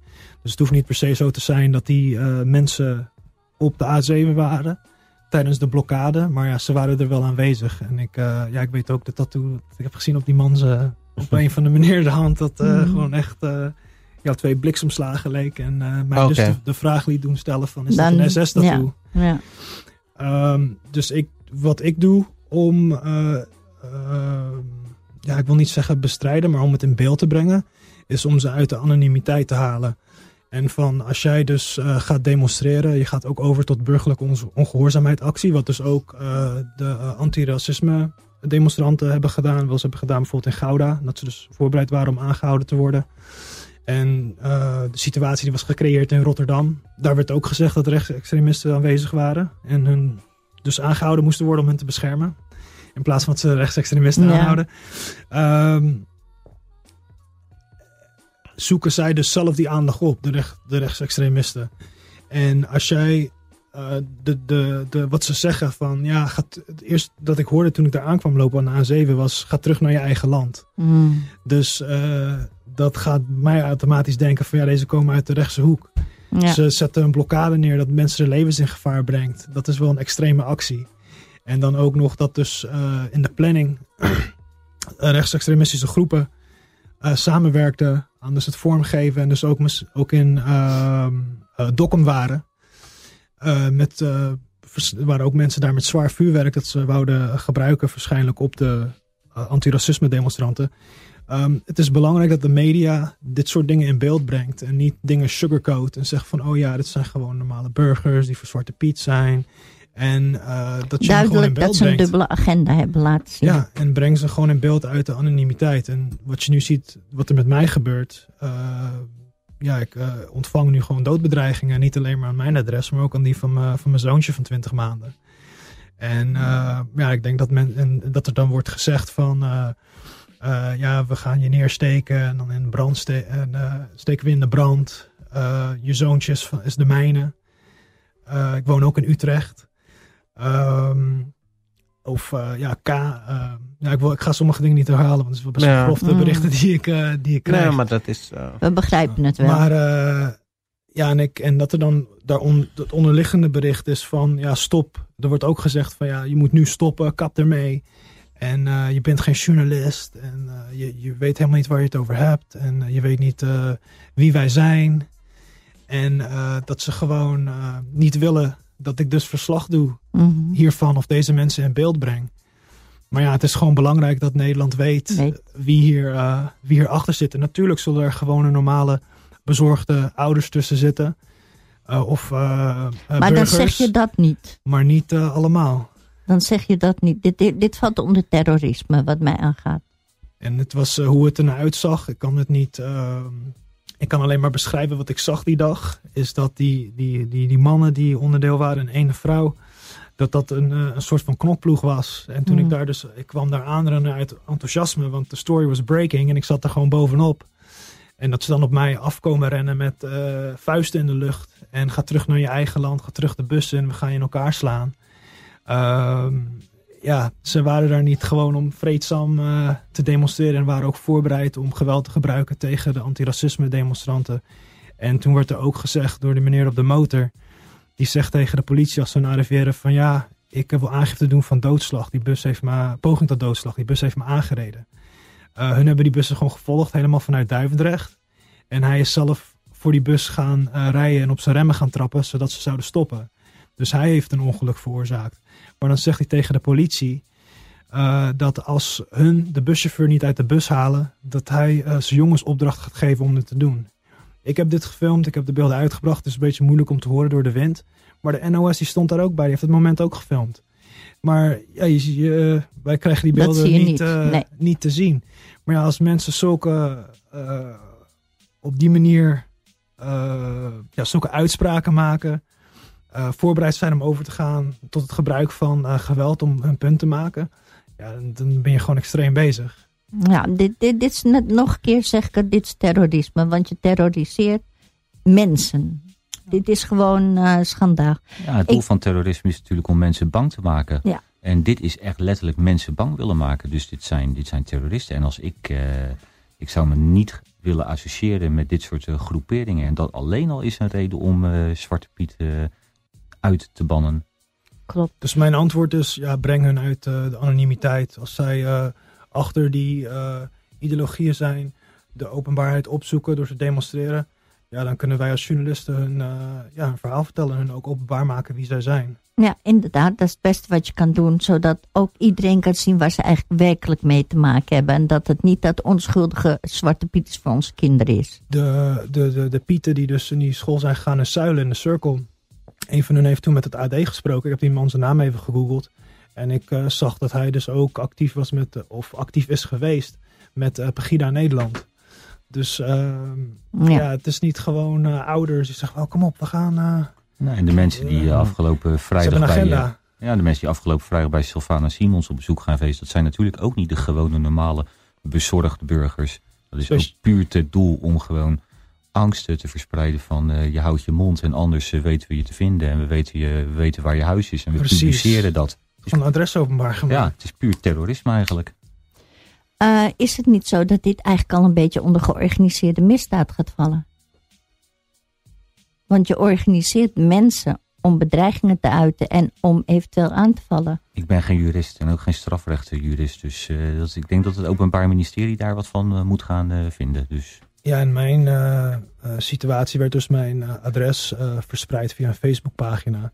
En dat werd dan, ehm, was dan ehm, gevonden via mijn KVK-inschrijving. En ja, hoe ik dat ervaarde, werd, werden mensen ook gewoon opgeroepen om mij lastig te gaan vallen. En Ja. ook om, werd er gezegd door die pagina om bij mij thuis langs te komen. Ja, dat is een hele... Ja, dit is misdaad. En het is georganiseerd volgens mij. Ik weet het niet. Maar ik denk dat daar zijn jurist goed naar moet kijken. En toen die, eh, die, die pagina die het ging delen, die, die had me toen een eh, ultimatum gegeven dat ik eh, dus delen van mijn verslag moest verwijderen van mijn site, van mijn pagina. Anders gingen ze me openbaar maken. En ik dacht, waar heeft deze? Oh, vrijheid Misschien van hebben ze- meningsuiting. Misschien hebben ze iets gênante foto of zo. Wat heeft hij het over openbaar maken? Maar ja, hij bedoelde dus ja, mijn adres, mijn telefoonnummer, mijn geboortedatum. En ging toen gewoon een stapje verder door mensen ja, op te roepen om bij ons eh, thuis langs te komen. Ja. Ja, ik Ja. weet niet goed wat te zeggen hierop. Ik vind dit zo echt. vreselijk. Dit is gewoon niet normaal. En dat we dit dan onder het mom van het leuke kinderfeest allemaal gaan eh, bekijken en uitzenden. Ik vind dit belachelijk. Dit Ja. moet gewoon een halt toegeroepen worden door de overheid. Klaar. Ja, ik vind het Nou, heel ik, zit- typisch. en het- ik, het- ik ben niet de enige die dus deze eh, doodsbedreigingen en ook ehm, ja, racistische eh, uitingen worden ook naar me gestuurd. Dat ik eh, ik word uitgemaakt voor nikker, kankeraap, nigger, ehm, ja, zwarte piet. Maar er zijn ook activisten die krijgen deze, deze berichten ook nu na dus de, ehm, de gebeurtenissen bij Dokkum. Maar ook ja, in het verleden, is, ja, Sylvana, ja, het, het zijn niet eh, isolated incidences. Er zijn veel mensen die dit soort eh, bedre- bedreigingen aan hun adres ontvangen. Krijgen. Ja, daarom is het ook heel goed dat. Sylvana verleden jaar doorgezet heeft met die aangifte. En dat er toen die rechtszaak over geweest is. ja, Dus, en, eh, en die, maar ja, die tien mensen die zijn toen, eh, ik, is ook nee, niet ik denk veel. negen. Ze waren niet allemaal veroordeeld, maar uh, grotendeels wel. En maar dan nu gebeurt dit. Mhm. En van, dus het OM, eh, die vervolgt mensen, dus ze worden veroordeeld. Maar het stuurt geen eh, signaal af dat eh, mensen hiermee moeten, moeten stoppen. En nu gaat iemand bij haar huis langs en maakt haar eh, adres eh, openbaar. Ja. ik, zit, ik zit eigenlijk er zelf over na te denken. Eh, het is vaak genoeg dat ik kijk. Ik zie Thierry Baudet spreken. Ik zie Geert Wilde spreken. En ik denk, man, houd toch je bek dicht. Maar ik heb, ik, ik heb op, op, op al die momenten heb ik geen enkel moment bedacht van... Hm, misschien moet ik eens langs zijn huis gaan. Misschien houdt hij dan zijn mond dicht. Het is eigenlijk om, om, om daarin dat proces helemaal te zitten... dan moet je echt heel ver heen zijn in extremistische idee- ideeën. Maar ja, hij heeft dus ook mensen bij hem thuis gehad, die, eh, Terry eh, Baudet. Ja, nee, maar daarom zeg ik eigenlijk om, om zo'n mindstate al te hebben. Wat, we- wat, wat Ja. je eigenlijk zegt, het zijn geen gewone burgers. Je moet al heel ver heen zijn. Moet je op zo'n op zo'n trail eh, terecht zijn gekomen dat je naar iemands huis stapt. En je, gewoon, je mag eh, het best hartstikke met elkaar oneens zijn, graag zelf. Daar, daar zijn we een open en volwassen democratie voor. Ja. Dat je mensen hebt die het...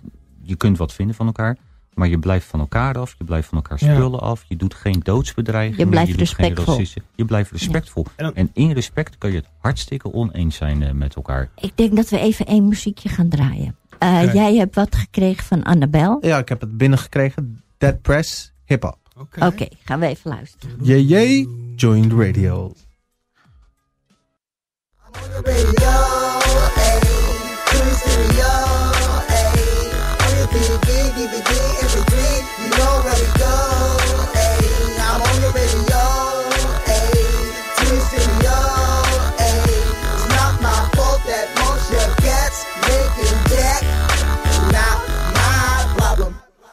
Yeah, yeah, yeah, yeah, joined radio. Het is een joint politics, dus Anaïs aan jou het woord. Oké, dankjewel. Er zijn weer, het was net even heel heftig, dus we hebben het even afgebroken. Want dit waren dingen die er verteld werden. Daar reis je haar van in de hoogte. Waar of niet? Ten bergen. Nou, ik heb niet zo heel veel haar, maar die, Oh, sorry. ja, geen, maar die ik heb, die staan wel recht overeind. Ja. Goed, dan gaan we over naar Walter van der Kruisen. Waarom wordt in het basis- en middelbaar onderwijs nauwelijks aandacht besteed aan het koloniale verleden en immigratie? Maar wel fondsen en tijd hebben voor Sinterklaas-evenementen. Hmm. Wanneer kinderen hier vroeg mee beginnen, zou veel racisme voorkomen kunnen worden. Ja, ja, helemaal mee eens. Je moet inderdaad, eh, sowieso moet er veel meer geschiedenisonderwijs eh, gedaan worden. Ja. Je moet weten waar je vandaan komt. Je moet weten wat er nu gebeurt. En alleen als je je geschiedenis kent, dan weet je wat er gaat eh, gebeuren.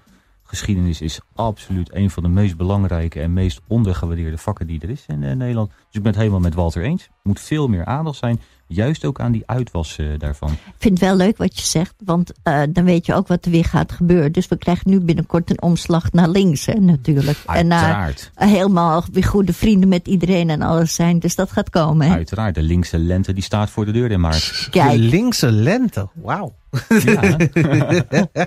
dus de gekleurde linkse lente, hè, van alle kleuren gemengd. de, de regenboog. eh, De regenboog, lente. daar hebben we alles gaat bij elkaar. Inderdaad. Kevin, wat heb jij hierop te zeggen? Ja, het is gewoon heel erg eh, belangrijk. Ik eh, heb natuurlijk, ik was onderwezen in Amerika tot eh, van, ehm, eh, we noemen het dan middle school, high school, universiteit.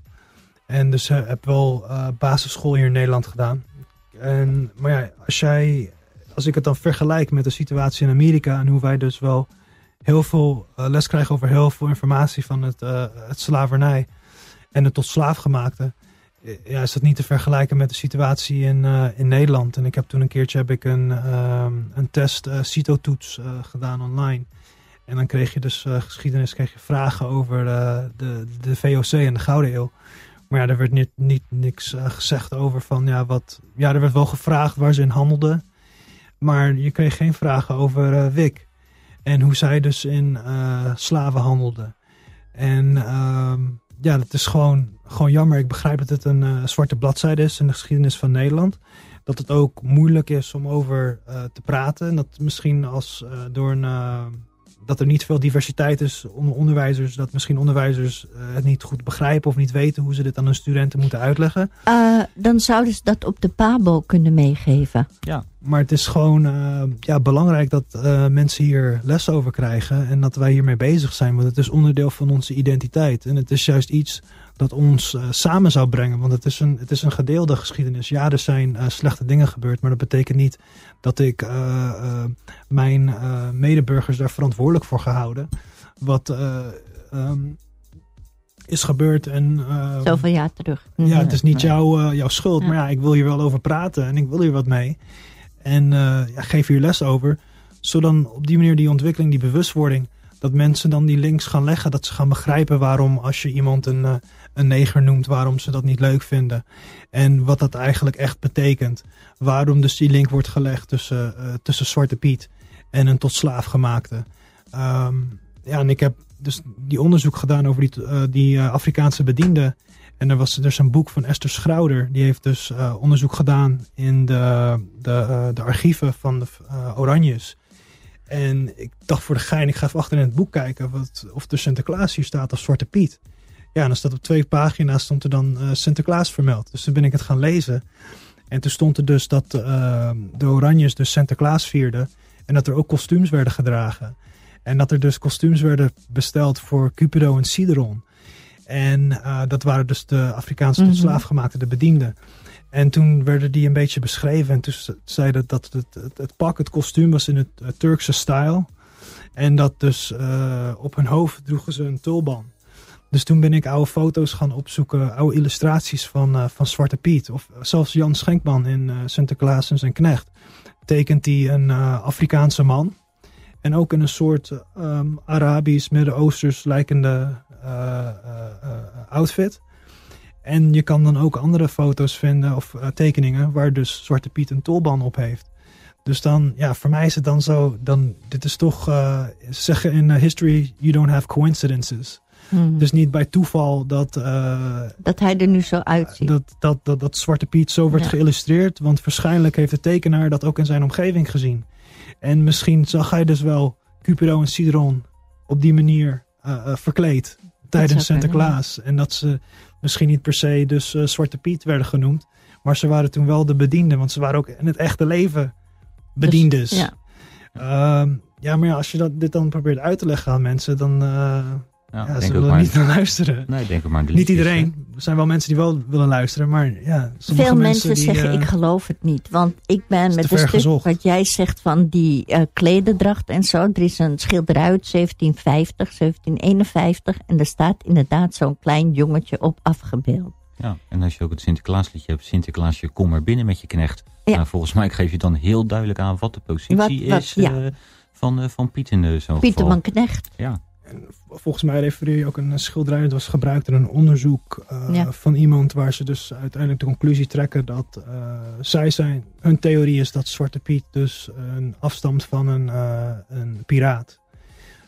Oh ja, nee, dat is weer een en andere. toen Ja. gebruikte hij volgens mij, ik weet niet of hij dus dat, die schilderij eh, gebruikte, maar dat was eh, dat een soort van eh, een scène liet zien dat iemand dus met een paard het centrum in kan rijden. en Nee, dat nee, dus- dat niet. Hij Ja. was bij een dame. Oké. Bij een dame aan een soort, ja, eh, hofje, zeg maar, net, eh, net eh, salon en Ja. zo. Het was dus niet, die was het niet. Dat heb ik ook gehoord, dat verhaal. Dat zou je nu plotseling van piraten afstemmen. Ja. En ja, hij is een Turk eigenlijk. Ja, dus heb ja, dat, Heb ik ook gehoord. En dat de, de pieten die erbij zijn, dat zijn eigenlijk eh, kinderen die vrijgekocht zijn door de Sinterklaas. Er worden allerlei verhalen omheen nu gemaakt om het eigenlijk maar goed eh, te praten. Ik, eh, dus eh, weet je, in alles staat of valt bij educatie en er moet op scholen moet er veel meer aandacht Aan- aan eh, ja, gegeven zeker. worden. Absoluut. Ik heb ook, ik zal heel eerlijk zeggen, 25 jaar geleden stond ik echt heel anders in deze discussie dan dat ik er nu in sta. Puur omdat ik in de loop der jaren bijgeleerd heb, en Mm. erin verdiept heb en weet Zo. waar het voor staat. Daar leer je van. Ik heb als kind, weet je, ik, ik ben hartstikke wit. Ik kom uit een wit milieu, een witte omgeving. Ik heb het ook gevierd als eh, kind en ik zag er niks racistisch in. Maar naarmate je ouder wordt, ga je leren, ga je verdiepen en ga je duidelijk maken van dit kan niet meer. Vind altijd een mooie quote van Muhammad Ali, die heeft gezegd zo van, als ik hetzelfde nog steeds zou denken als dat ik twintig jaar geleden zou denken, dan zou ik niks geleerd hebben in mijn leven. mm. Daar gaat het om. ik had er altijd een bloedhekel aan, want mijn opa was kolenman. Weet u hoe je, wat dat is? Ja, dat is iemand die kolen, eh, kolen haalde. De, met de Eh, hij, had een zaak en hij verkocht kolen. En dan was hij git en gitzwart. En Ja. dan liep ik trots met opa aan de hand langs een school met kinderen. En hoor, Zwarte Piet. Dus ik heb er sowieso een hekel aan. Ik vind het, dus ik kan me dat heel goed ook indenken. Ik kan Ja. dat voelen omdat ik zoiets heb meegemaakt gewoon. Ja. Goed, we gaan nog even door. Marjan Boele die zei, als vrouwen niet tot actie waren overgegaan, hadden ze het kiesrecht nooit gekregen. Machthebbers geven nooit vrijwillig zonder meer hun positie op. Nou, daar hebben we het net over gehad. Ja, maar dat is, ehm, er wordt ook eh, gezegd over de Zwarte Pieten discussie dat eh, mensen nu pas eh, kritiek aan het uiten zijn. Eh, maar dat gaat helemaal terug naar eh, 1930. Klopt. Dat mensen actie eh, voeren, maar dus dat de actie gewoon, it's intensified. Dat dus wat we nu zien, dat mensen dus overgaan tot burgerlijke ongehoorzaamheid, acties. Of dat ze plekken opeisen om dus te demonstreren. Ze nemen ruimte in tijdens dus de intocht om hun stem te laten horen. Om op die manier meer druk te plaatsen voor die, die verandering. Nou, jaren negentig had eh, de actiegroep Zwarte Piet Zwart Verdriet was toen eh, bezig met eh, acties, zeg maar, Ja. rondom Sinterklaas. Ehm, ook het? heeft eh, Gerda Havertong... Gerda Havertong heeft heb, er inderdaad tijdens Sesamstraat heeft ze daarover gesproken, inderdaad. En Gilly, eh, Gilly Koster, die was eh, vroeger ook een programmamaker en Mhm. presentator. En die heeft, het ook, eh, heeft hij een uitzending waar hij het ook bespreekt. En ook dus eh, regenboogpieten introduceert. En eh, ja, ja het is, eh, deze discussie vindt al heel lang eh, Plaats, ik plaats. Het is al heel lang gaande. Maak er lekker een werkgever van. En er kunnen witte mensen, mensen met een Turkse achtergrond, mensen met een Marokkaanse achtergrond, mensen met eh Surinaamse, Antilliaanse achtergrond, weet ik wat, een Franse achtergrond, Duits maken. Want kunnen solliciteren bij Sinterklaas om Piet te worden. Wordt Nou, het feest ook, feest ook alleen maar leuker als Daarom. iedereen deel kan nemen. kan iedereen aan meedoen. Ja, Vind je? Ja. Ja. We gaan over naar de laatste. Dat is Felix van Mool, gemeenteraadslid PvdA Montfortland. Racisme. Onbekend maakt onbemind. Vreemden zijn niet te vertrouwen. Ons volk eerst. De Nederlandse cultuur is in gevaar. Ze nemen Nederland over. Dat zijn zo'n aantal argumenten waarmee racisten komen. Gevoelens in plaats van argumenten bepalen het gedrag van hen. Ook wordt gepoogd om vreemdelingen en vooral als ze een andere huidskleur hebben op hun plek, namelijk lager dan de eigen plek in gezelschap te zetten. Dat geeft het gevoel dat men de situatie beheerst en zelf geen nadelige gevolgen door hun komst zal beleven. Mensen met een andere huidskleur kan men natuurlijk ook makkelijker herkennen en makkelijker ook de schuld geven als de eigen situatie niet goed is, dreigt te worden of denkt dreigend te worden. Vraag. Wat zijn jullie praktische oplossingen om verandering van gevoelens tegenover vreemdelingen door racisten te bevorderen? Mensen uit een andere cultuur of met een andere achtergrond. Dus met andere woorden, wat zien jullie nou als een paar praktische punten wil ik van jullie hebben? geeft die aan. Zegt, nou, dit vind ik moet gebeuren, dat vind Want op die manier komen we tot een ander cultuurbeeld. Nou, elke, elke overheidsinstantie zou sowieso echt een diversiteitsbeleid moeten hebben. Mm, Waarbij ja. je met quota gaat werken dat ehm, alle groepen vanuit de samenleving dat die vertegenwoordigd worden in het ambtenarenbestand. En dat geldt niet alleen voor mensen met een kleur of met een ander geloof. Maar dat gaat ook voor mensen die eh, ehm, toevallig houden van mensen met hetzelfde geslacht. En dat geldt ook voor minder valide. Daar begin je al mee. Maar je zal maar bij de politie werken dan. Ja, ja, Ja. Ja, als minder valide heb je dat. Maar je kan ook bij de politie achter de schermen Nee, ik werken. bedoel als andere kleurplaats hoor. Dat eh, is hier een eh, Is een, eh, zwart boek gepresenteerd. Ja, hè? klopt. Ja, ja. Op eh, 2 eh, september Ja. inderdaad, ja, waarin eh, uit alle eenheden 26 verhalen zijn gekomen waarin verteld wordt wat er gebeurt. En als je dat leest, ah, het is verschrikkelijk dat Ja. één iemand die noemt een voorbeeld dat hij loopt eh, de gang naar de kantine en er is een foto van hem waarin hij afgebeeld staat met eh, handboeien om tralies over zijn hoofd eh, getekend. En eh, our monkey is in the jail. Dat is dan bij de politie, dat zijn je, je collega's. Maar dat kan je alleen maar veranderen door echt die quota aan te scherpen en dat dwingend af te Nee. zetten. En wat zo ook erg was van dat verhaal is dat hij zei van dat hij eh, verwachtte dat iemand hem zou komen aanspreken van ah joh grapje man is niet eh, Mm. is gewoon een grapje maar zelfs dat kwam er niet dat is heftig man Ja, dat is echt heftig inderdaad. En dat geldt inderdaad bij de politie niet alleen voor mensen met een kleurtje. Maar er staat ook een verhaal in van iemand die zich kleedde dan anders. Want die had een leren broekje aan en eh shirtje met opgerolde mouwen en haartjes gekamd. En die werd weggepest als, eh, ja, van je bent eigenlijk maar gewoon, eh, nou, ik zal het woord niet noemen. Je hoort hier niet in ieder geval in onze macho cultuur. Dus daar moet je mee beginnen. Quota, dat is het belangrijkste. De- diversiteitsquota. Institutionele racisme aanpakken. Door bedrijven. Ja, institutionele discriminatie. Want alle discriminatie is niet per se racisme. Discriminatie kan ook gaan op mensen die een, eh, toevallig eh, homoseksueel zijn. Nou, Dat is ook discriminatie, discriminatie. aanpakken. ik, eh, ik ga weer terug op het, ja, het onderwijs dat we Ja, naar het eh, Koninkrijk der Nederlanden. Ja, wij hadden ook een, eh, wij waren ook een koninkrijk, een empire where the sun never set. En het ging helemaal eh, van Brazilië tot eh, Japan. Ehm, en wat, er, wat, je nu, of wat er is gebeurd, is dat er migratie plaatsvindt. En dat eh, dus de, de, subjects, de onderdanen, die komen richting eh, het eh, center dus of de metropole. Dus die komen terug naar, ja, naar de, ja, het midden van, van de, de empire, van het koninkrijk. En er vinden dus veel botsingen plaats met, met cultuur. En ehm, er zijn ook andere migratiegroepen deze kant op gekomen. Vanuit eh, Marokko, vanuit Turkije. Ook nu vanuit eh, Oost-Europa in verband met de Europese Unie. En ja, het is een grote taak. Maar we moeten onze jongeren onderwijzen over deze geschiedenis. eh, over waar deze mensen vandaan komen. We zijn allemaal Nederlander. Ehm, en ehm, ja, er moet, je moet niet eh, eh, getolereerd worden, maar geaccepteerd worden. En dat begint door eh, erkenning. En dat kan via het onderwijs en het kan ook via de media. Ja, Ja. ja, absoluut. Educatie. Ik kreeg een keer van nog vorige week de vraag Eh, van iemand. Marco, heel kort, want we gaan eruit.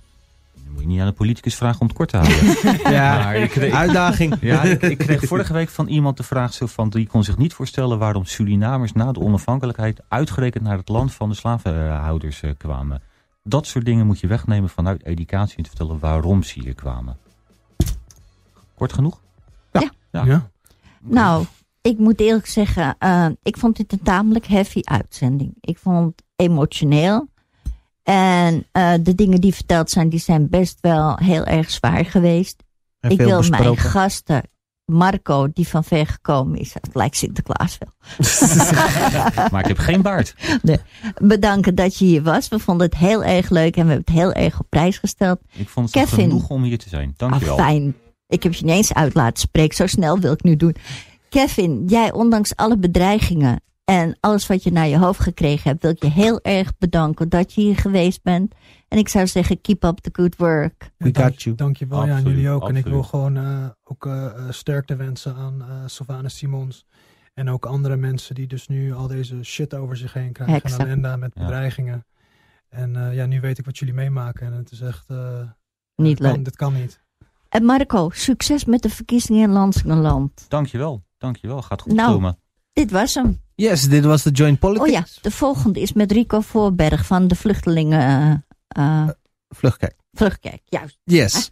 Nou, dit was de Joint Politics. Volgende week hebben we weer eh, een artiest misschien. Of misschien een eh, zelfstandig ondernemer. We zien het wel.